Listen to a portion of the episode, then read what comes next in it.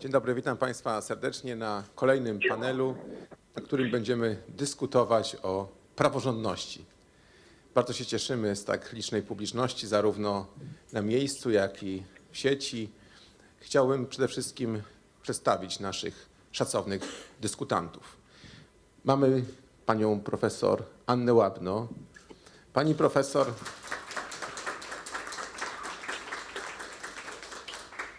Pani profesor pełni zaszczytną rolę eksperta Rady Legislacyjnej, jest wykładowczynią Uniwersytetu Śląskiego na Wydziale Prawa i Administracji od wielu lat. Była prorektorem na Uniwersytecie Śląskim.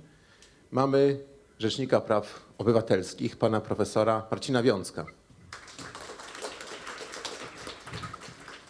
Pan profesor y, jest wykładowcą na Uniwersytecie Warszawskim. Od wielu lat był również członkiem Rady Legislacyjnej, pracownikiem Trybunału Konstytucyjnego, ekspertem z zakresu konstytucji.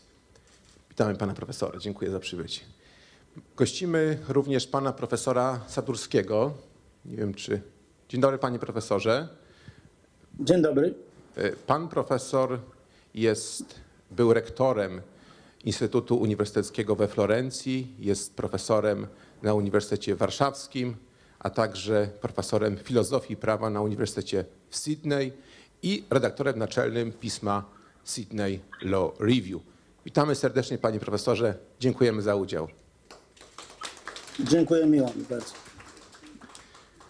Łączy się z nami również telefonicznie pan profesor Waldemar Gontarski. Dzień dobry panie profesorze. Dzień dobry. Pan profesor jest adwokatem, rektorem Europejskiej Wyższej Szkoły Prawa i Administracji, dziekanem Wydziału Prawa, adwokatem i również pełnomocnikiem rządu do y, spraw przed Europejskim Trybunałem Praw Człowieka, przed TSUE. Dzień dobry panie profesorze. Dzień dobry. Drodzy Państwo, przede wszystkim chciałbym zachęcić do interakcji z pozostałymi dyskutantami. Można prosić o y, wtrącenie się, o y, zabranie głosu w trakcie wypowiedzi innego dyskutanta, co sprawi, że będziemy mieć rozmowę bardziej dynamiczną. Zachęcam w takim razie do takich konfrontacji. Pani profesor, dyskutujemy o praworządności. Czy mamy definicję praworządności i czy praworządność to jest problem prawa, czy może polityki? Jak pani profesor to postrzega? Definicje to zawsze jest niebezpieczna sprawa, bo zwłaszcza w prawie ja bym nie twierdziła, że jest definicja. Natomiast na pewno jest wyobrażenie o tym, czym jest i czym powinna być. I to pozwala nam na konfrontację, na weryfikację z rzeczywistością, a to już jest zagadnienie mm, podstawowe. Musimy mieć wyobrażenie o tym, jakie chcemy mieć prawo, jakie chcemy mieć państwo i kim chcemy w tym systemie być. I to się moim zdaniem składa na rozumienie praworządności. Rozumienie takie mianowicie, że jest to pewne wyobrażenie o prawie, takim jako on, jakie ono powinno być według no, naszej wizji. To jest dyskusyjne, bo jest problem jeszcze drugich, prawda, tego drugiego człowieka. Trzeba to jednak zawsze skonfrontować. Więc to musi być, jak mi się wydaje, wyobrażenie o prawie, tak jak chcielibyśmy, żeby ono brzmiało, działało i organizowało na nasze życie. W jakich granicach, dlaczego i z jakim skutkiem. I to musi podlegać dyskusji, zarówno w prawie, czyli w dyskusji prowadzonej przez specjalistów, jak i dyskusji, w której biorą udział wszyscy zainteresowani. Wszystkie te środowiska, które się odpowiednio, że tak powiem, zorganizują i zechcą funkcjonować w systemie społecznym. Bez tego w ogóle nie mogę sobie wyobrazić, żebyśmy tworzyli jakikolwiek system prawny i państwowy. Jeżeli mamy środowiska zaangażowane, różnego rodzaju, że tak powiem, różnych profesji, różnej aksjologii, to możemy, choć być może ktoś powie, że to jest idealizm, ale jednak na przestrzeni działania systemu państwowego, a Polska może wykazać się wielowiekowym działaniem, jesteśmy w stanie tworzyć koncepcje, weryfikować i próbować je mm, e, stosować. Czy to jest bardziej polityka, czy to jest prawo? To to jest trudne y, konfrontowanie, bo prawo jest polityczne. Chcemy czy nie chcemy, to jest kwestia stopnia, w jakim potrafimy oderwać normę od konkretnych politycznych uwarunkowań. To jest bardzo trudne w systemie, który jest niestabilny społecznie, niezorganizowany, nie zdołał wypracować elit, które byłyby w stanie pokazać pewne potrzeby i pewne rozwiązania. W takim przypadku rzeczywiście praworządność może być ukierunkowana mm, zbyt politycznie. Ale powiem szczerze, ja, ja nie wierzę w sytuację, w której y, prawo jest wyabstrahowane z polityki. To też zależy, co chcemy w polityce robić. Bo jeżeli chcemy ją rzeczywiście i staramy się poddawać pewnej wizji wspólnych interesów, wspólnego dobra, to i ta praworządność będzie inaczej ukierunkowana. To jest złożony problem i ciekawy w ogóle i warty rozmowy, dlatego że no właśnie tak jak sytuacja, w jakiej my żyjemy i wcześniej w całym y, tym XX wieku i dzisiaj te 30 lat wolnej Polski, to jest problem tego, jakie chcemy mieć, państwo, co rozumiemy przez prawo, jaką ma spełniać funkcję. Bez tego nie ma możliwości tworzenia czegokolwiek, co miałoby zadowolić sensownie ludzi. A o to przecież w państwie chodzi. Tylko, że najpierw trzeba wytworzyć wizję. I tej wizji przecież, y, no nawet trudno powiedzieć, że dzisiaj odbywamy takie dyskusje i ta dzisiejsza jest chyba jakimś, a dobrze pewnie by było, przynajmniej ja tak myślę, by była początkiem dyskusji, jakie ma być państwo polskie. Przecież te 30 lat wcale takiej dyskusji nie było, a jednym z elementów byłaby praworządność. Jaką funkcję ma spełniać konstytucja, co ma zawierać, jaka to ma być wizja konstytucji? Popatrzmy na węgierską. Przecież tam mamy rzeczywistą tożsamość narodową. I ta konstytucja od samego początku, odkąd ujrzała światło dzienne, budzi ogromne zast- zastrzeżenia w Europie. Więc myślę, że to jest pytanie, które pan minister zadał, otwierające dyskusję. I na to nie da się, jak sądzę, dać odpowiedzi y, w krótkim wystąpieniu. Natomiast myślę, że, że warto temat y, drążyć wręcz, dyskutować, pisać, analizować. Y, Usłyszeliśmy, drodzy Państwo, że prawo nie może być wyobcowane z polityki, bo polityka to przecież troska o dobro wspólne i prawo musi być polityczne. Panie profesorze, panie rzeczniku, y, pracowałem w pańskim biurze przed wieloma laty i jako asystent doktora Janusza Kochanowskiego, ówczesnego rzecznika. I wtedy, panie rzeczniku, poszukiwaliśmy wzorców do ochrony praw człowieka. Dziś dyskutujemy również o prawach człowieka w polskiej konstytucji. I teraz zastanawiam się, czy konstytucja schodzi na plan dalszy i czy tych wzorców do ochrony praw człowieka może trzeba poszukiwać w prawie europejskim. To jest pytanie o relacje między prawem europejskim a polską konstytucją. Gdzie pan jako rzecznik poszukuje wzorców do ochrony praw człowieka czy w prawie europejskim, czy w konstytucji? Dziękuję. Dziękuję. Czy jest włączony mikrofon? Dziękuję bardzo. Dziękuję serdecznie za zaproszenie. Ja e, uważam, że nadrzędnym prawem Rzeczypospolitej Polskiej, zasadniczym źródłem e, wolności i praw człowieka w Polsce jest konstytucja. E, I mm, to konstytucja jest na szczycie hierarchii źródeł prawa, które obowiązują w Polsce. Polska konstytucja przewidziała możliwość włączenia Polski w struktury międzynarodowe które to struktury opierają się na traktatach. Mam na myśli przede wszystkim właśnie członkostwo Polski w Unii Europejskiej, jak również e, członkostwo Polski w Radzie Europy. Zarówno e, Unia Europejska, jak i Rada Europy, jak też Organizacja Narodów Zjednoczonych, których Polska jest również członkiem, mają powiedzmy swoje traktaty, które formułują katalog wolności lub praw.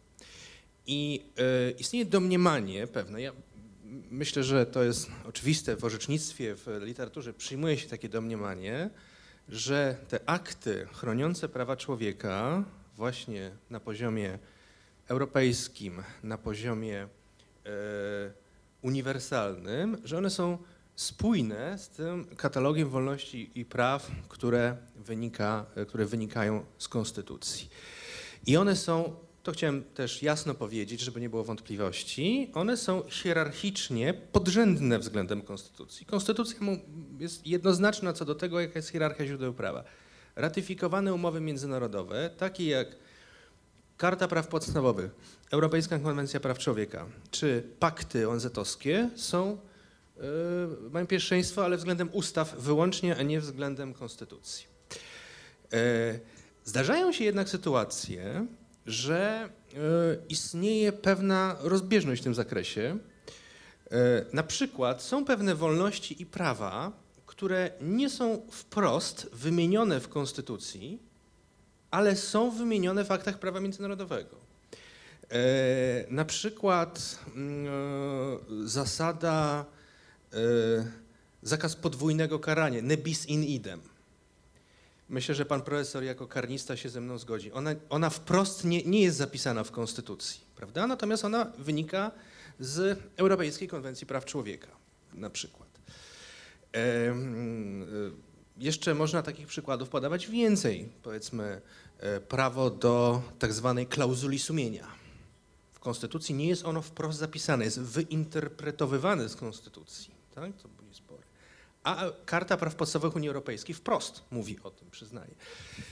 Więc, y, y, Szanowni Państwo, już podsumowując tą odpowiedź na pytanie, które Pan y, Profesor y, zadał, no to spektrum ochrony wolności i praw człowieka, źródła ochrony wolności i praw człowieka, które obowiązują polskich obywateli i ludzi generalnie podlegających polskiej jurysdykcji, ich źródłem jest wiele aktów. W szcze- W szczególności jest to konstytucja i przejście rozdziału drugiego, które tam są, y, kat- katalog taki konstytucji wolności i praw. Natomiast korzystając na podstawie konstytucji, Polska jest w określonych strukturach międzynarodowych, które również mają swoje takie traktaty prawno-człowiecze, można nazwać, i one są dodatkowym źródłem ochrony wolności i praw. I tak jak już powiedziałem, co do zasady, w wielu przypadkach te międzynarodowe źródła ochrony wolności i praw, one rozszerzają zakres wolności i praw e, człowieka, tak jak e, w tego typu e, w takich sytuacjach. Natomiast z formalnego punktu widzenia one są względem konstytucji podrzędne. Znaczy, Profesor? Pan profesor zachęcał do wypowiedzi. Przepraszam bardzo. Ale to się wiąże z tym, co ja powiedziałam o praworządności. Bo gdybyśmy chcieli w każdej konstytucji uregulować wszystko to, co jest dorobkiem kultury prawnej, w tym również naszej, to byśmy nie byli w stanie tego katalogu sformułować. On byłby dłuższy niż moglibyśmy go pomieścić. I stąd bierze się właśnie kwestia, jak my w praktyce akt konkretny stosujemy, zwłaszcza konstytucję. Co potrafimy dołożyć do niej, co nie jest bezpośrednio zapisane, a wynika z jej pewnych ogólnych postanowień.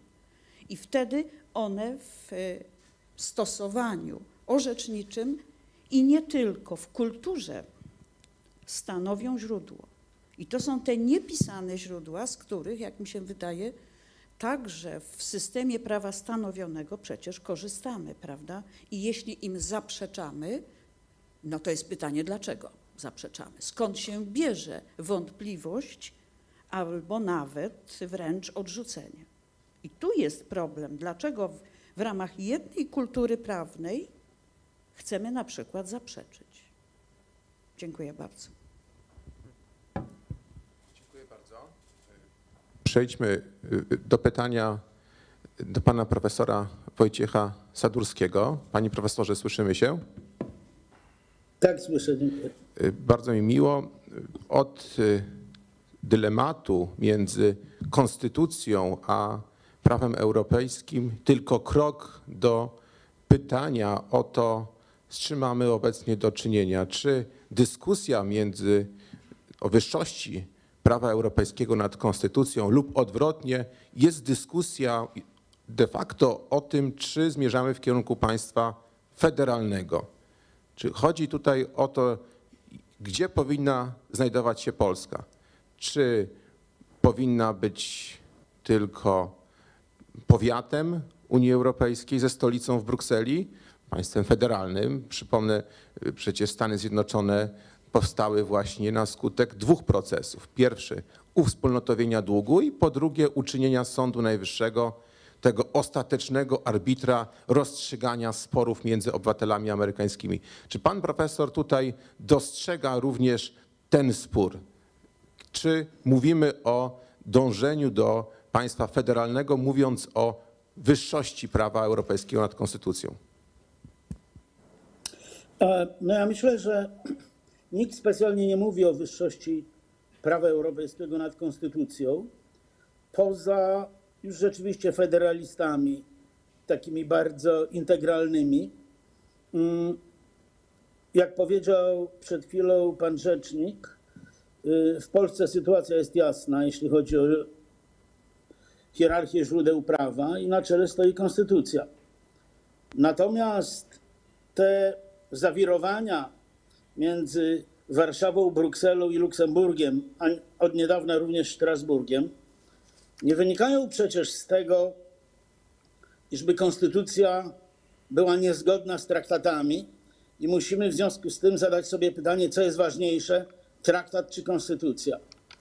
W żadnej mierze e, konstytucja nie wykazała swoich felerów, jeśli chodzi o traktaty o Unii Europejskiej, o Kartę Praw, czy by przenieść się do Rady Europy o mm, Europejską Kartę Praw Człowieka. E, sprzeczność nastąpiła między polskimi ustawami, a także polską praktyką, często bezprawną. Otóż ustawy, tak zwane ustawy, zestaw ustaw sądowniczych z roku 2017, czyli o AKRS-ie, Sądzie Najwyższym i sądach powszechnych, które w sumie wprowadziły bezprzykładne w Europie podporządkowanie sędziów e, organom wykonawczym, a także prokuratorowi generalnemu, ministrowi sprawiedliwości. To są wszystko produkty ustawowe. I gdyby w Polsce istniał prawdziwy i niezależny Trybunał Konstytucyjny, to wszystkie te ustawy dawno zostałyby przepędzone. Nie zostały, gdyż Trybunał Konstytucyjny w wyniku rozmaitych manewrów, których tu nie muszę przypominać, został skutecznie wyłączony. A zatem prawdziwy konflikt jest między z jednej strony ustawami i praktyką, podkreślam praktyką często całkowicie bezprawną, jak to się ma na przykład ostatnio e, na granicy polsko-białoruskiej z tym rozporządzeniem, niekonstytucyjną ustawą i absurdalnym stanem wyjątkowym z jednej strony, a konstytucją i traktatami Unii Europejskiej z drugiej strony. Traktaty Unii Europejskiej bardzo wyraźnie mówią o praworządności, demokracji e, i prawach człowieka, a także prawach osób e, należących do mniejszości etnicznych. Mówią o tym w artykule drugim. Mówią o skutecznej ochronie prawnej w artykule 19 i mówią o tym, jak Unia powinna reagować na państwa, które, po, y, które gwałcą te war, wartości. Mówi o tym w artykule 7. Otóż te wszystkie artykuły traktatu o Unii Europejskiej są całkowicie zbieżne z polską konstytucją. Ja nie, nie, nie znajduję w polskiej konstytucji żadnych podstaw dla spolitycyzowania Krajowej Rady Sądownictwa. dla utworzenia owego potworka instytucjonalnego, jakim jest Izba Dyscyplinarna, ale także cały system, taki system właściwie rakowy, rakotwórczy, dyscyplinarny na wszystkich, e, na wszystkich poziomach wymiaru sprawiedliwości, nie znajduje absolutnie żadnego e, uzasadnienia dla tworzenia Izby Kontroli Spraw Publicznych i Kontroli Nadzwyczajnej powoływanej przez większość y, sejmową, która następnie będzie mogła, która to izba będzie mogła oceniać ważność wyborów tejże izby i tak dalej. Otóż w Polsce po roku 2015 mieliśmy do czynienia i nadal mamy do czynienia z całym szerokim zestawem skolonizowania państwa przez partię rządzącą i to jest działanie tak antykonstytucyjne, jak i antytraktatowe. I to jest właściwie moja główna odpowiedź na pańskie pytanie. Natomiast jeżeli chcielibyśmy się zastanawiać nad tym, czy mm, Unia Europejska zmierza w kierunku federacji i czy Polska będzie województwem lub powiatem, gdzie stolicą będzie Bruksela, to oczywiście są to zabawne rozmowy publicystyczne, ale ja nie widzę najmniejszych przejawów tego, by y, Euro, Unia Europejska w tym kierunku zmierzała. Pan wspomniał Stany Zjednoczone. Otóż chcę zauważyć, że w Stanach Zjednoczonych nie ma tak, że jeden stan jest monarchią, inny republiką, inny ma mm, rozdział kościoła od państwa, a inny jeszcze e, religię państwową. Natomiast w, w Unii Europejskiej mamy do czynienia z kompletnym wachlarzem ustrojowym w ramach demokracji. Mamy demokrację i monarchię, mamy państwa laickie i państwa z ustanowioną religią, mamy państwa federalne i państwa unitarne, mamy państwa z bardzo silną kontrolą konstytucyjności i państwa z supremacją parlamentu i tak dalej. Ale- I nic nie wskazuje na to, ażeby dochodziło do jakiegoś e, zglajszachtowania ustrojowego, by ktoś na przykład powiedział Szwedom, że mają stać się republiką i tak dalej. A zatem e, ta, e, bądźmy poważni, no nie, Unia Europejska nie jest federacją, nie ma najmniejszych kroków w kierunku federacji, natomiast są w kierunku sz- ściślejszej integracji, oczywiście, integracji na poziomie zarówno ekonomicznym, jak i pewnych warunków prawnych, jak i na przykład ochrony środowiska, jak i ochrony praw człowieka. Dziękuję bardzo panu profesorowi. Pan profesor Waldemar Gontarski jest z nami telefonicznie i chciałbym zapytać pana profesora o to, co przed chwilką usłyszeliśmy w końcówce wypowiedzi pana Wojciecha, pana profesora Wojciecha Sadurskiego. Mianowicie nie ma zglajszachtowania ustrojowego, czyli te różnice systemowe, prawne, kulturowe są zachowywane i powinny być zachowywane. Tak y, pan profesor y, Wojciech Sadurski przed chwilką y, to stwierdził. W związku z tym mam pytanie, czy w sytuacji, w której w Niemczech Sąd Najwyższy jest powoływany przez 32 polityków w sposób bezpośredni, w Hiszpanii Krajowa Rada Sądownictwa jest powoływana przez parlament, czyli również przez polityków, to czy rzeczywiście system w Polsce, gdzie przypomnę, Krajowa Rada Sądownictwa tylko w części jest powoływana większością trzech piątych głosów, których nie ma partia rządząca, a Krajowa Rada Sądownictwa przecież to nie jest Sąd Najwyższy. Czy to rzeczywiście jest bezprzykładne w Europie podporządkowanie sądownictwa władzy wykonawczej? Czy szanując tę różnorodność systemową, kulturową różnych krajów, nie powinniśmy jednak dbać o to, żeby ta suwerenność konstytucyjna była zachowana? Panie profesorze. Proszę Państwa, ja mam taką optykę, powiedzmy, jak piśmiennictwo niemieckie, które od dawna, nawiązując do słów pana profesora Sadurskiego końcowej wypowiedzi, jakby w kontrapunkcie do pana profesora, to piśmiennictwo niemieckie mówi o niewysłowionej federacji. O federacji niewysłowionej w traktatach, a która poprzez instytucje unijne w takim czy innym zakresie dokonuje się. Zajrzyjmy do kultowego podręcznika z międzynarodów publicznych Autor Show. Co mówi ten autor o Trybunale Sprawiedliwości? Najbardziej profederalny organ, trzymając się nazewnictwa traktatu o Unii, instytucja Unii Europejskiej, kiedyś wspólnot. Przecież to jest fakt, powiedzmy już, y, normatywny. Albo weźmy instrument odbudowy, ten, o którym była mowa na lipcowym, grudniowym szczycie Unii w zeszłym y, roku, y, uspólnotowienie długu, gdzie konsekwencje tego długu spłata na dziesięciolecia poza wieloletnie ramy finansowe obecne, co literatura niemiecka mówi. Niewysłowiona Unia Fiskalna, niewysłowiona w traktatach, a jakby bardziej dogmatycznie spojrzeć, no sprzeczna yy, z traktatami. Zwłaszcza jak zajrzymy do orzecznictwa Karlsruhe i przeczytamy, że jest to związek państw, skoro nie ma kompetencji kompetencji. Instytucje unijne, mówi Trybunał, mówi w dosłownym znaczeniu Federalny Sąd Konstytucyjny Niemiec, nie uzyskały w traktatach kompetencji do określania swoich kompetencji.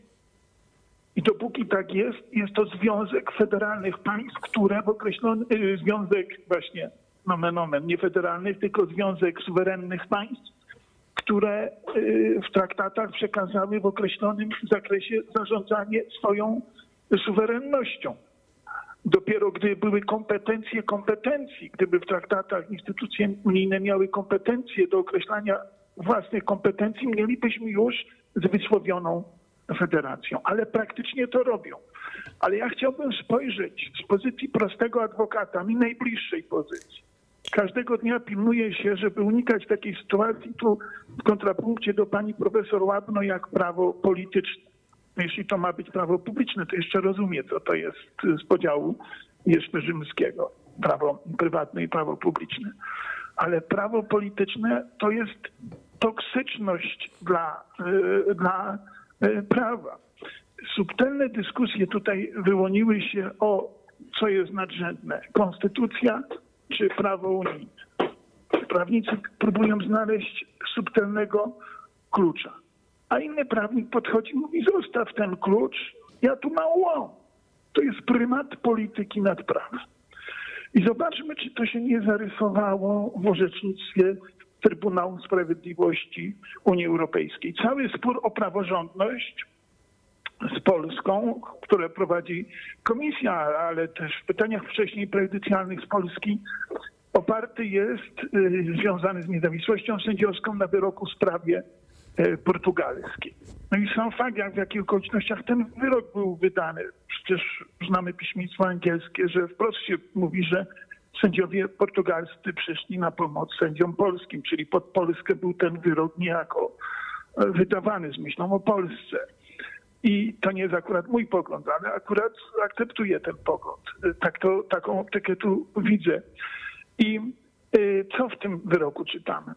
Czytamy, że w oparciu o artykuł 19 ust. 1 akapit 2, niezależnie od tego, jak y, Sąd Krajowy stosuje prawo, Trybunał może badać niezawisłość. Tak jest w każdej wersji urzędowej, za wyjątkiem angielskiej, gdzie jest napisane y, niezależnie od tego, czy. Ale Rzecznik Generalny Tancze w sprawach polskich, gdy wydaje opinię, posługuje się angielską wersją, ale w wersji urzędowej opinii Rzecznika Tanczewa tłumacze podkładają tłumaczenie polskie. Ja powiem taką sytuację. Występuję przed Trybunałem Sprawiedliwości Unii Europejskiej wyroku, y, w sprawie, gdzie był wydany wyrok, odmowa wydania pyta, y, wyroku prejudycjalnego, odpowiedzi na pytanie prejudycjalne między innymi pana sędziego Tulei i, i, i sądu Złowicza, bo to były połączone sprawy. Wysyłam wcześniej swoje wystąpienie, bo rzecznik, y, pełnomocnik rządu ma takie uprawnienie jako jedyna strona, że wysyła swoje wystąpienie wcześniej, tłumaczą to ułatwia życie.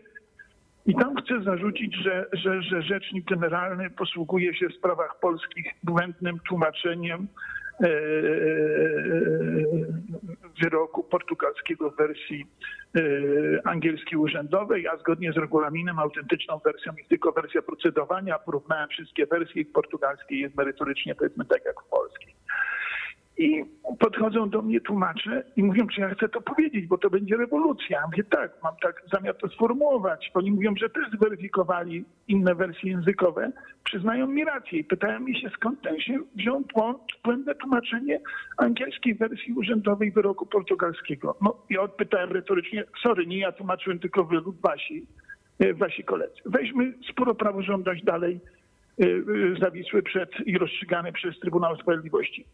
Trybunał stosuje artykuł 19 ustęp 1 akapit 2 w związku z artykułem 47 karty.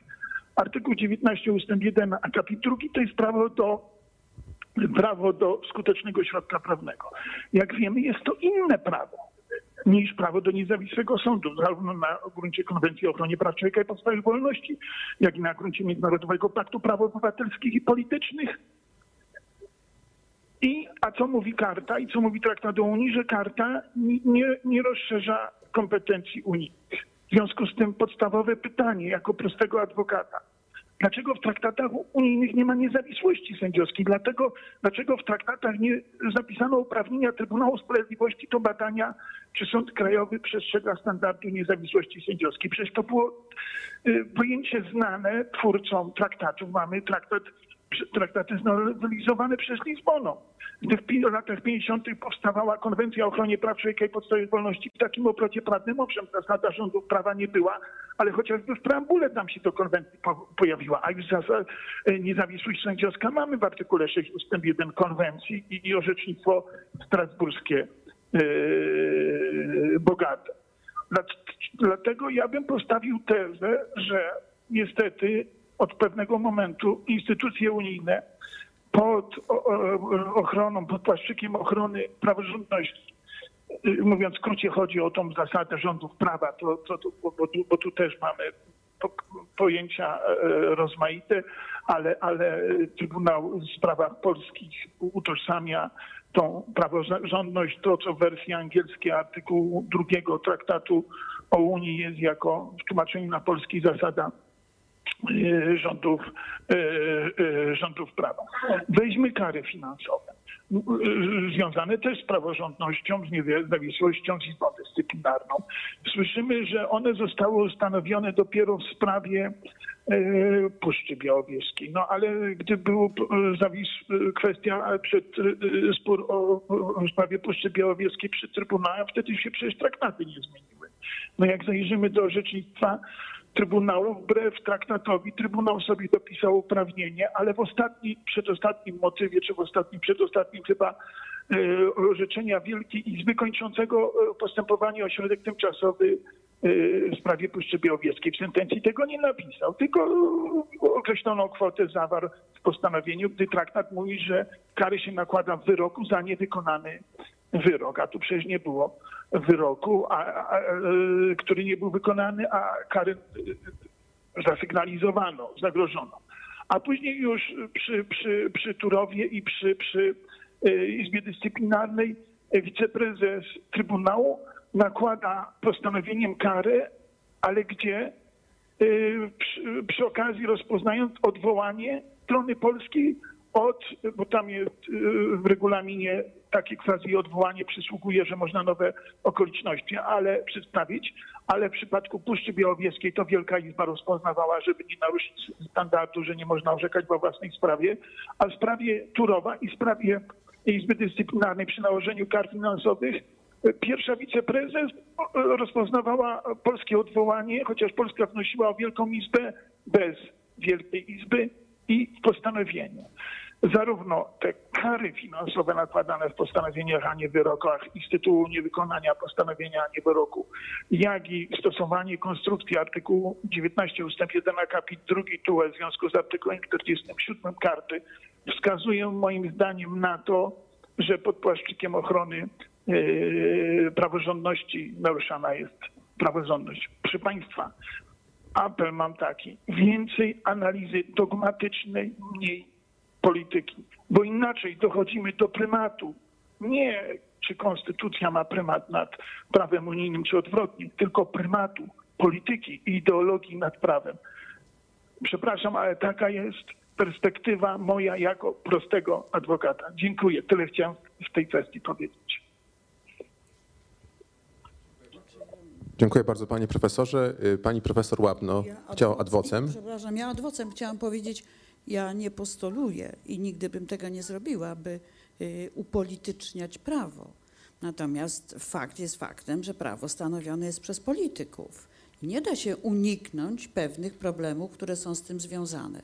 Więc związki są. Pytanie, jakie, dlaczego i w jaki sposób przeciwdziałać nadużyciom politycznym w prawie bo uważam, że ja się zgadzam z panem profesorem. Prymat polityki kończy się y, różnie, ale nie oderwiemy się od polityki. To nie jest możliwe, bo cały parlament jest polityczny. Jeśli popatrzymy na sądy konstytucyjne, to czy ktoś powie, że one nie mają związków z polityką? No przecież mają. Jeżeli stale będziemy operowali zjawiskami, że tak powiem, rzeczywistymi i pewną teorią, to stale rozmawiamy na pewnym pułapie abstrakcji. Dlatego pozwoliłam sobie powiedzieć o tych związkach, bo ja mogę powiedzieć, że praworządność to są rządy prawa. No świetna definicja, tylko co się za tym dalej kryje, prawda? No i właśnie co się kryje, no tośmy tu z panem profesorem Gontarskim, mam nadzieję, doszli teraz do ustaleń. No to się kryje, że zależy gdzie dyskutujemy i o czym, to są pewne problemy, które się pojawiają. I to jest zasadnicza trudność. Więc dodałabym jeszcze co? Przecież Unia popada w problemy w związku ze swoją, znaczy Unia, my w Unii, w związku ze swoją politycznością właśnie. Tak uważam zresztą. I gdybyśmy ten problem rozważali, to się okaże, że polityczność powoduje, iż jednoosobowo sędzia wydaje rozstrzygnięcie. I z naszą kulturą prawną powiadamy, no jak to? Z naszą praworządnością mówimy, to się u nas nie mieści w głowie. W Unii tak. Prawda? Więc zgadzam się z panem profesorem. To jest problem polityczności. Tylko my właśnie mamy rozmawiać, jak to, tak mi się wydaje, przepraszam, że się tak stanowczo wypowiadam. Właśnie o to chodzi, co zrobić, żeby to poukładać we właściwy sposób. Dziękuję bardzo. Dziękuję pani profesor. Sędzia jednoosobowo wydaje orzeczenie, pozbawiając 4 miliony gospodarstw domowych ciepła, co przed nadchodzącą zimą wręcz stawia pytanie o humanitaryzm tego typu rozstrzygnięć. Nawet nie praworządność, tylko zwykłą ludzką przyzwoitość. Y, Panie profesorze, panie rzeczniku, bo usłyszeliśmy od y, pana profesora Gontarskiego dość mocne y, stanowisko wobec praktyki TSUE. Y, Przypomnę, y, złomem przychodzi, przed, przedkładając politykę ponad prawem, dopisuje sobie uprawnienia. Może w takim razie pora na y, pytanie, i o to chciałem pana rzecznika zapytać, czy polski Trybunał Konstytucyjny jako strażnik konstytucji nie powinien w takim wypadku stanąć po stronie powiem wprost, tych mieszkańców zagrożonych odcięciem im ciepła po prostu. I relacje między TSUE a Trybunałem Konstytucyjnym, które w wielu krajach unijnych e, są żywo dyskutowane, że przypomnę niemiecki Trybunał Konstytucyjny i szereg innych. Jak pan rzecznik tutaj postrzega rolę Polskiego Trybunału Konstytucyjnego? Czy nie powinien być tą ostatnią deską ratunku dla obywateli, którzy czują się ograniczani, dyskryminowani, krzywdzącymi ich rozstrzygnięciami TSUE, którzy, jak usłyszeliśmy, dopisuje sobie uprawnienia i wyłącza im prąd przed zimą. Chciałbym może rozpocząć od tego, że rzeczywiście to postanowienie tymczasowe SUE, o którym pan profesor powiedział, no ja uważam, że ono nie opierało się na właściwym wyważeniu wartości wchodzących w grę e, i e, rzeczywiście no, nie uwzględniono chyba tego, że e, jak istotne znaczenie ma elektrownia w Turowie dla funkcjonowania w prawidłowego funkcjonowania wielu ludzi i też bezpieczeństwa energetycznego państwa. e, i, i, i też z czym się może wiązać, jakie następstwa społeczne miałoby natychmiastowe zamknięcie tej elektrowni. To chciałem jasno powiedzieć, bo tak, tak, tak uważam. Natomiast Trybunał Konstytucyjny od zawsze, od kiedy pojawiły się pierwsze, pierwsze sprawy na styku prawa Unii Europejskiej i Konstytucji w orzecznictwie Trybunału Konstytucyjnego, to były sprawy jeszcze sięgające 2003 roku, jeszcze przed czasem, gdy Polska była członkiem Unii. Jeszcze y, pierwsze rozstrzygnięcia Trybunału zapadały w, w okresie jeszcze stowarzyszeniowym.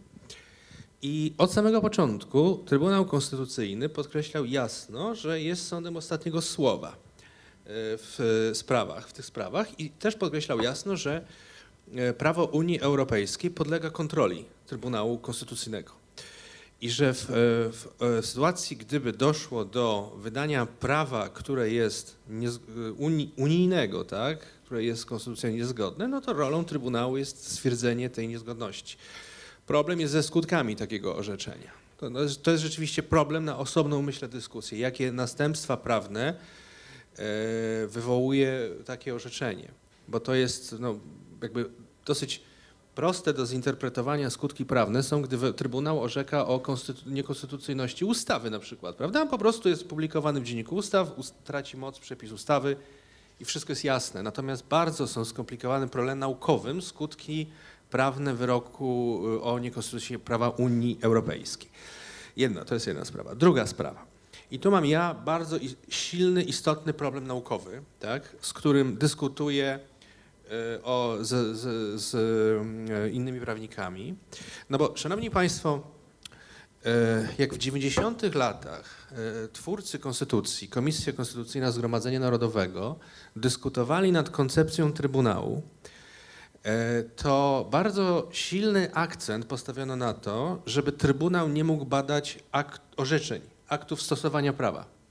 Jest to udokumentowane na przykład w, pro, w z posiedzeń Komisji e, Konstytucyjnej Zgromadzenia Narodowego, że e, silnie bardzo e, e, właśnie zależało e, twórcom Konstytucji na tym, żeby kompetencje Trybunału były sformułowane tak, że Trybunał jest od przepisów prawa, a nie od orzeczeń. I na tej zasadzie, na tej koncepcji został zbudowany artykuł 8 188 Konstytucji, który wyraża kompetencje Trybunału do badania ustaw, um, umów międzynarodowych i przepisów prawa wydawanych przez centralne organy państwowe, na przykład rozporządzeń do ustaw. To, jest, to są trzy, trzy, akty, trzy typy aktów, które Trybunał może badać. Ja teraz mam pewien problem z tym, bo wyrok Trybunału Konstytucyjnego z 7 października jeszcze nie został, je- nie zostało ujawnione jego uzasadnienie. Więc y, ja jeszcze mo- mogę się opierać tylko na y, komunikacie prasowym, który został upubliczniony, czy też w oświadczeniu ustnym, ustnym motywach tego orzeczenia. Tam zostało sformułowane takie stwierdzenie, że Trybunał Konstytucyjny dostrzega kompetencję swoją w Konstytucji do kontroli orzeczeń TSUE i do wyeliminowania takiego orzeczenia w ogóle z polskiego systemu prawnego. Tak się pojawiło takie stwierdzenie. Ja mam z tym kłopot, ponieważ ja wsparcia dla tego typu e, stwierdzenia nie dostrzegam wprost w Konstytucji, właśnie mając na uwadze to, co powiedziałem przed chwilą, tak? że e, ja Konstytucję, Szanowni Państwo, przede wszystkim odczytuję w sposób taki, e, jak odczytywali, jak odczytywał naród głosując w 97 roku w referendum. Tak? I teraz, skoro w Konstytucji Trybunał wyposażono w takie i inne kompetencje, to teraz ja mam pytanie. Dobrze, możemy przyjąć, że TSUE sobie kreuje kompetencje w pewnym zakresie, to należy wykluczyć, to jest niedopuszczalne, ale ja mam odpowiedzieć, czy tu w tych sytuacjach Trybunał Konstytucyjny sobie trochę nie kreuje kompetencji do właśnie badania orzeczeń TSUE. Bo ja nie mam nic przeciwko i uważam, że to jest e, potwierdzone praktyką i nie budzi wątpliwości, że Trybunał Konstytucyjny ma kompetencje do zbadania przepisów traktatów, czyli prawa pierwotnego, jak również przepisów aktów prawa pochodnego, rozporządzeń unijnych czy dyrektyw unijnych. Najbardziej. Ale już nie orzeczeń Trybunału Sprawiedliwości Unii Europejskiej, przynajmniej nie bezpośrednio. I to jest pewien problem naukowy, który chciałem tylko zasygnalizować i myślę, że on coraz więcej w tej chwili będzie, e, będzie publikacji różnych konferencji, które będą tego dotyczyły, bo to jest, to jest, zagadnienie, e, to jest zagadnienie bardzo istotne. I jeszcze ostatnia kwestia dotycząca wyroków Trybunału Sprawiedliwości Unii Europejskiej w tych tak zwanych sprawach sądowych. Ja y, usłyszałem przed chwilą od, z ust pana profesora Gondarskiego takie stwierdzenie, proszę mnie sprostować, jeżeli się mylę, ale tak, y, tak odnotowałem w swojej pamięci, że w traktatach nie ma niezawisłości sędziowskiej. Że nie, nie, nie, nie, nie ma tej koncepcji w traktatach y, pierwotnych prawie pierwotnym. Więc no, ja chciałbym tutaj jednak podkreślić, że elementem prawa pierwotnego Unii, mającym rangę traktatu, od czasu ratyfikowania traktatu z Lizbony jest Karta Praw Podstawowych Unii Europejskiej. Ona jest elementem ogłoszonym w Dzienniku Ustaw traktatów prawa pierwotnego. W artykule 47 ustęp 2 ten akt, Karta Praw Podstawowych Unii Europejskiej, mówi, każdy ma prawo do sprawiedliwego i jawnego rozpatrzenia jego sprawy w rozsądnym terminie przez niezawisły, bezstronny sąd ustanowiony uprzednio na mocy ustawy. Więc e, to jest przepis, który jest tak naprawdę tożsamy z polskim artykułem 45 ust. 1 Konstytucji, który brzmi bardzo podobnie, że każdy ma prawo do sprawiedliwego rozpatrzenia sprawy przez niezawisły, bezstronny sąd e, i tak dalej. I ja widzę w tych dwóch punktach zbieżność treściową. Szanowni Państwo, e, niezawisłość jest pewną koncepcją, można powiedzieć, o charakterze uniwersalnym. Pan bardzo ciekawy sposób, bardzo ciekawą jedną rzecz powiedział w poprzednim panelu, który, którym miałem przyjemność e, uczestniczyć, pan redaktor Sakiewicz. Pan redaktor Sakiewicz powiedział, że jednym z, e, z elementów kultury prawnej Polski I Rzeczypospolitej był zakaz skazania e, inaczej niż przez sąd. Ja chciałbym do tego nawiązać, ponieważ Y, ustawy Sejmu Wielkiego, do których należała Konstytucja 3 maja, one mówiły, co znaczy niezawisłość. Że niezawisłość oznacza, że sędzia, no to oczywiście zostało sformułowane w języku y, jeszcze tym, tym y, staropolskim, więc powiem to swoimi słowami, ale że sędzia w orzekaniu nie powinien myśleć, znaczy nie powinien być podatny na jakiekolwiek wpływy ze strony władzy wykonawczej że tam chyba nawet było użyte słowo wtrącać się, że władzy wykonawczej nie wolno się wtrącać w orzecznictwo. Tak rozumiano, szanowni państwo, niezawisłość już w czasach, w czasach pierwszej Rzeczypospolitej. I ta koncepcja niezawisłości, ten fundament, podstawa niezawisłości, że sędzia nie powinien w czasie swojego orzekania nie powinien mieć obaw, że on może za swoje orzeczenie zostać pociągnięty do jakiejś odpowiedzialności, ta koncepcja moim zdaniem przetrwała do dzisiaj. Na tej koncepcji opierała się polska konstytucja, na tej koncepcji opierał się e, traktat z Lizbony wprowadzający Kartę Praw Podstawowych, na tej koncepcji opowiada się też inne prawa międzynarodowego, Europejska Konwencja Praw Człowieka czy pakty ONZ-owskie, że minimum niezawisłości jest to, że nie powin, sędzia nie powinien być pociągany do odpowiedzialności za orzeczenie sądowe. Ja oczywiście mam tutaj, nie mam na myśli takich skrajnych przypadków. Skrajnych przypadków oczywiście są takie sytuacje, które możemy nazwać zbrodnią sądową, tak? No to znamy tę, tę sytuację z historii. To ja nie mam tego typu przypadków na myśli. Mam na myśli takie orzeczenie, z którym się można zgadzać, można nie zgadzać, ale od, odpowiedzialność za wydanie takiego orzeczenia, odpowiedzialność za błąd sędziego, bo sędzia popełnia błąd, sędzia popełnia błędy, wydają, wydają orzeczenia, które są bardzo dyskusyjne. Na przykład moim zdaniem niezwykle dyskusyjne są orzeczenia, w których się stwierdza, że wyrok wydany przez sędziego powołanego od 2018 roku nie istnieje. To jest błędne orzeczenie moim zdaniem, tak? Błędne. Nie, nie, ja, ja się sprzeciwiam takiemu, takim liniom orzeczniczym, ale sprzeciwiam się równocześnie temu, żeby sędzia za takie orzeczenie podlegał osobistej odpowiedzialności, bo to powinno być wyjaśnione w toku instancji, w toku instrumentów, które służą, które służą e, jakby korygowaniu orzecznictwa. Sędziowie czasami za błędy w orzeczeniach też ponoszą takie, e, takie konsekwencje, jak na przykład utrudnienie w awansie, czy tak zwany wytyk sędziowski. Są takie jakby e, tego typu, tego typu rozwiązania. I wracając jeszcze do, już ostatnie zdanie na temat orzecznictwa TSUE. Ja y, mam taki pogląd y, prawny, że y, zgadzam się całkowicie z tym, że Trybunał Sprawiedliwości Unii Europejskiej i w ogóle prawo Unii nie odnosi się do organizacji i ustroju wymiaru sprawiedliwości w Polsce. To jest moim zdaniem jasne. Nie ma kompetencji do tego ani akty prawodawca unijny, ani organ sądowniczy y, unijny, jak jest TSUE. Ale jest dla mnie pewnym takim intelektualnym nieporozumieniem twierdzenie, że wyroki Trybunału dotyczące władzy sądowniczej są ingerencją w organizację i funkcjonowanie wymiaru sprawiedliwości. Dlaczego? Bo one są moim zdaniem e, prezentują w jakiś sposób powinny, znaczy prezentują pewne problemy związane z niezawisłością, tak?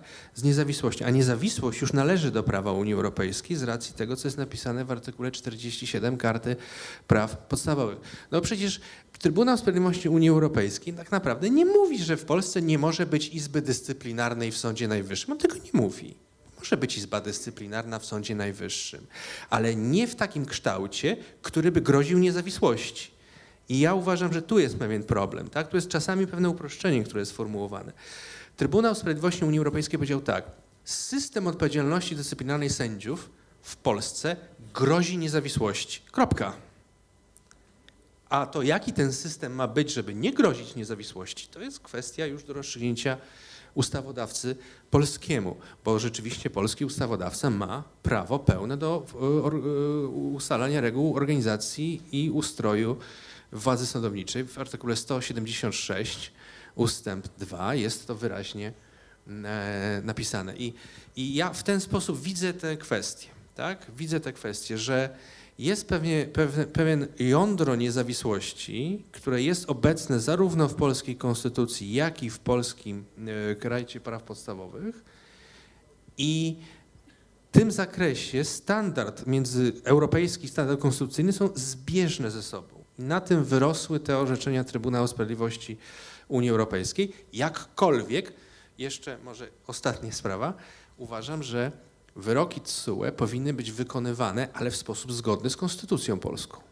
Czyli, y, czyli to, to, to, to jest też ten, y, powiedzmy, mam na, co ja mam na myśli? Mam na myśli to, że no ja tak już powiedziałem, y, sprzeciwiam się takiemu stosowaniu, wykonywaniu orzeczeń TSUE, które prowadziłoby do tego, że bez względu na wszelkie okoliczności każde orzeczenie wydane przez sędziego od 2018 nie istnieje.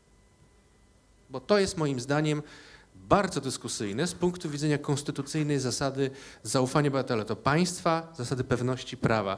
A więc konstytucja powinna mieć również wpływ na to, w jaki sposób wyroki TSUE są e, interpretowane. E, to, to, to myślę, że tyle. Dziękuję bardzo. Bardzo dziękujemy panu rzecznikowi. Y, Pan profesor Waldemar Gontarski został wywołany. Czy chciałby pan profesor adwocem? Tak jest.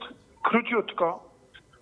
Artykuł 6, yy, tak, Traktatu o Unii, akapit drugi. Ja mówiłem na początku, tylko nie wskazując konkretnej jednostki redakcyjnej tekstu prawnego, stanowi, że Karta Praw Podstawowych w żaden sposób nie rozszerza kompetencji instytucji unijnych. Tak samo odpowiedni przepis karty stanowi. Dlatego powtarzam swoją sugestię, więcej dogmatyki, czyli więcej analizy z punktu widzenia obowiązującego prawa, a obowiązujące prawo to konkretne jednostki, jak wiadomo, redakcyjne tekstu normatywnego, czyli przepisy.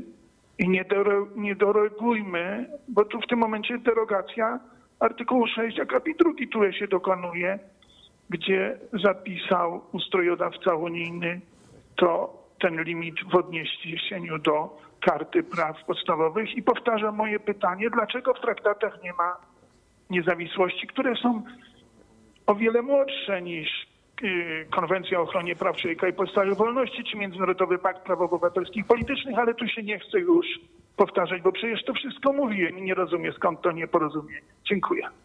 Dziękujemy bardzo. Drodzy Państwo, czas nieubłaganie biegnie do końca, mimo tak ciekawej dyskusji.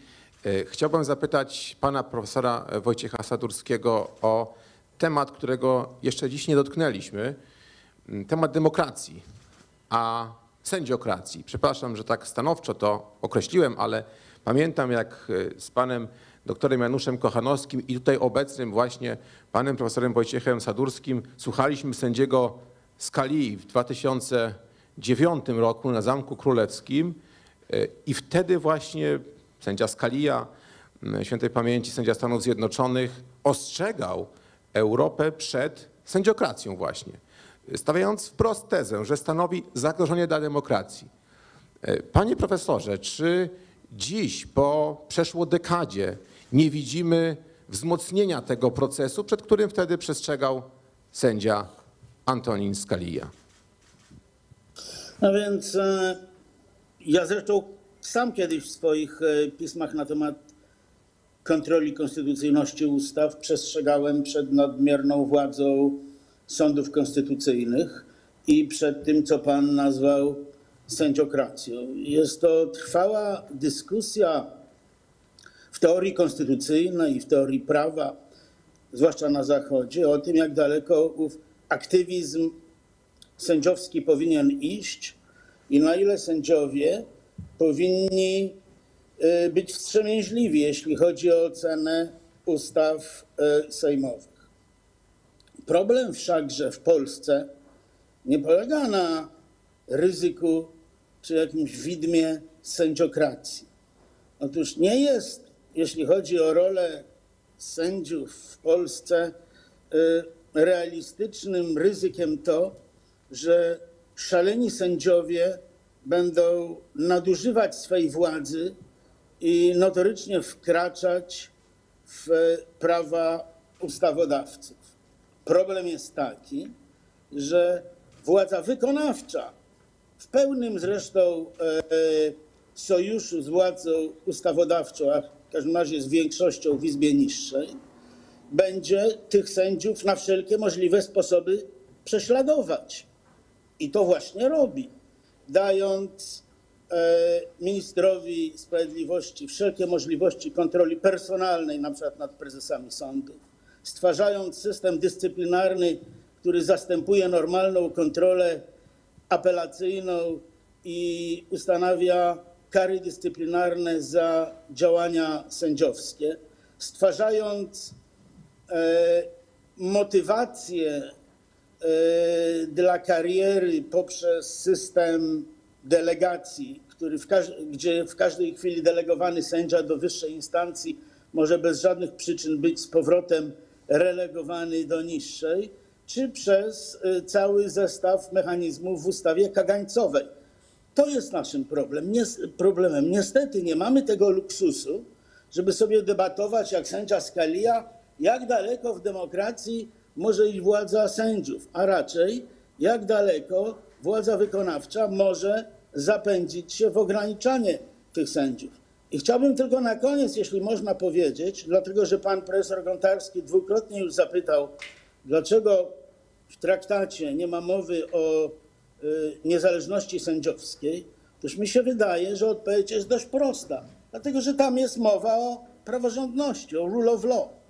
E, Nikomu by nie przyszło do głowy, by sądzić, że praworządność daje się pogodzić z ograniczeniem niezawisłości e, sędziowskiej. Oczywiście tak i tutaj w pewnym sensie e, następują pewne ramy do tego, od czego zaczęliśmy tę rozmowę. Samo pojęcie praworządności w jakimś tam zakresie może być nieostre i profesorowie sobie mogą godzinami debatować nad tym, czym jest praworządność, ale jest pewien trzon, co do którego żaden rozsądny człowiek nie będzie się, nie będzie kontestował. A mianowicie to, że niezależni sędziowie są warunkiem sine qua non praworządności. Nikomu chyba nie przyszło do głowy, panie profesorze, żadnemu z twórców traktatów, że któregoś dnia w którymś państwie można to zanegować, Więc może lepiej byłoby wpisać rule of law, yy, przepraszam, judicial independence obok rule of law do artykułu drugiego. Po prostu pewne rzeczy traktowane są jako, e, sam, jak, jako oczywiste. Dziękujemy bardzo. Drodzy Państwo, niestety czas na podsumowanie i to zaledwie minutowe. Tutaj są warunki organizatorów nieubłagane, dlatego rozpocznijmy od pani profesor. Bardzo prosimy.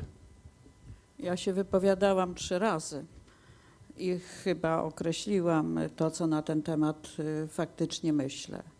O praworządność musimy dbać wszyscy i musimy ją y, przemyśleć także wszyscy. Myślę, że przed tym problemem rzeczywiście stoimy. Bo jak powiedziałam, teoretycznie wszystko możemy powiedzieć i tak jak przed chwilą stwierdził pan profesor, no przecież właściwie wszystko jest jasne, bo z jednego pojęcia praworządności wyodrębnimy cały szereg wartości, które uważamy za istotne. No ale nazwijmy je, określmy, natomiast pewne zasady muszą być ujawnione i jednoznacznie wypowiedziane. Sama zasada praworządności jako podstawa dochodzenia sądowego nie wydaje mi się rozwiązaniem właściwym, ponieważ pozwala na zróżnicowane jednak rozumienie konkretne i szczegółowe, zwłaszcza wówczas, kiedy za tym idzie odpowiedzialność, nawet tylko polegająca na wymuszaniu pewnych obowiązków, rezygnacji z określonych rozwiązań, wprowadzania innych rozwiązań. To nie jest w moim przekonaniu właściwa regulacja. I myślę, że też gdybym mogła odnieść się w szczegółach do wypowiedzi pana, y, y, pana rzecznika, też byśmy mogli podyskutować, bo to na poziomie ogólnym z perspektywy praworządności wydaje mi się wiele spraw oczywistych, natomiast kiedy wchodzimy w szczegółowe rozwiązania, to te problemy rzeczywiście wyglądają w nieco bardziej skomplikowany sposób. Dziękuję bardzo. Panie Rzeczniku. Dziękuję. Na, na koniec tylko krótkie, jedna jeszcze refleksja. E, Elementem praworządności e, jest bez wątpienia zasada pewności prawa. E, Zasada bezpieczeństwa prawnego jednostki. Z punktu widzenia tej zasady, ja, mi jest trudno zaakceptować to, że jedne organy państwa uznają, że to, co orzekły czy wydały inne organy, nie istnieje. E, To jest bardzo trudno mi e, zaakceptować. I to mam zarówno sytuację na myśli taką, że, o której powiedziałem wcześniej, że sędzia czy sąd, mm, wydając orzeczenie, twierdzi, że e, orzeczenie wydane przez czy Trybunał Konstytucyjny w obecnym składzie, czy sędziego powołanego 2018 roku nie istnieje. Ale również mam problem z tym, jak Trybunał Konstytucyjny twierdzi, że na przykład wyrok Europejskiego Trybunału Praw Człowieka nie istnieje. Uważam, że to nie jest droga w dobrą stronę, stwierdzanie nawzajem ni- nieistnienia swoich własnych kompetencji, e, ponieważ to zagraża zasadzie bezpieczeństwa prawnego. Bo proszę pamiętać, zawsze na końcu jest człowiek. Zawsze na końcu jest człowiek, który jest adresatem orzeczenia. I teraz te, y, tego typu y, traktowanie właśnie jednych organów przez drugie y, według takiej formuły to, co ten organ zrobił, wydał, to nie istnieje, to moim zdaniem y, w świetle za- praworządności, bezpieczeństwa prawnego i pewności prawa należy wykluczyć. Dziękuję. Dziękujemy bardzo.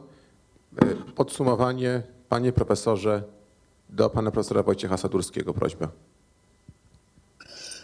Praworządność to są dwie rzeczy. To są rządy prawa i to jest przekonanie, że cała władza nie jest w jednych rękach. Są to rządy prawa w tym sensie, że polityka jest związana prawem, a nie na odwrót. Tak że jestem. politycy nie mogą e, na bieżąco zmieniać sobie Teraz ja prawa mogę? tak, jak im to jest wygodne. Czy jeśli chodzi o kwestie e, związane z uchodźcami, czy jakimikolwiek innymi sprawami. Czyli, że prawo pełni funkcję pewnych ram w miarę trwałych. I po drugie, praworządność oznacza, że cała władza nie jest w jednych rękach. To znaczy, że, jest, że są jacyś kontrolerzy władzy, że wzajemnie te władze, ro- rozmaite władze się równoważą i kontrolują, tak zresztą jak przewiduje to polska konstytucja. Tak rozumiem praworządność. Bardzo dziękujemy panu profesorowi i pora na pana profesora Waldemara Gontarskiego. Bardzo proszę. Dziękuję. W nawiązaniu do wypowiedzi pana Rzecznika Praw Obywatelskich, że nie ma nieistniejących orzeczeń, to ja chcę dodać, że przede wszystkim nie ma nieistniejących przepisów prawa, skoro one obowiązują, a przepisy prawa, zdaje się, powinny być czymś prymarnym wobec orzeczeń. Także gdy dyskusja właśnie pójdzie w kierunku więcej dogmatyki, mniej wszystkiego innego, w tym mniej polityki, wtedy będziemy my, prawnicy, lepiej się rozumieć. Dziękuję uprzejmie. Bardzo dziękujemy wszystkim Państwu za udział w tej, myślę, niezwykle interesującej i ważnej dla naszej ojczyzny debacie. Na pewno będzie ona trwała, ale to, co dziś usłyszeliśmy, będzie pewnym punktem wyjścia do wielu dalszych, bardzo istotnych rozważań. Dziękuję serdecznie organizatorom, panu posłowi, tutaj Patrykowi Jakiemu za pomysł zorganizowania i takiego właśnie spotkania intelektualnego. Tego nam dziś bardzo potrzeba. Dziękuję Państwu serdecznie.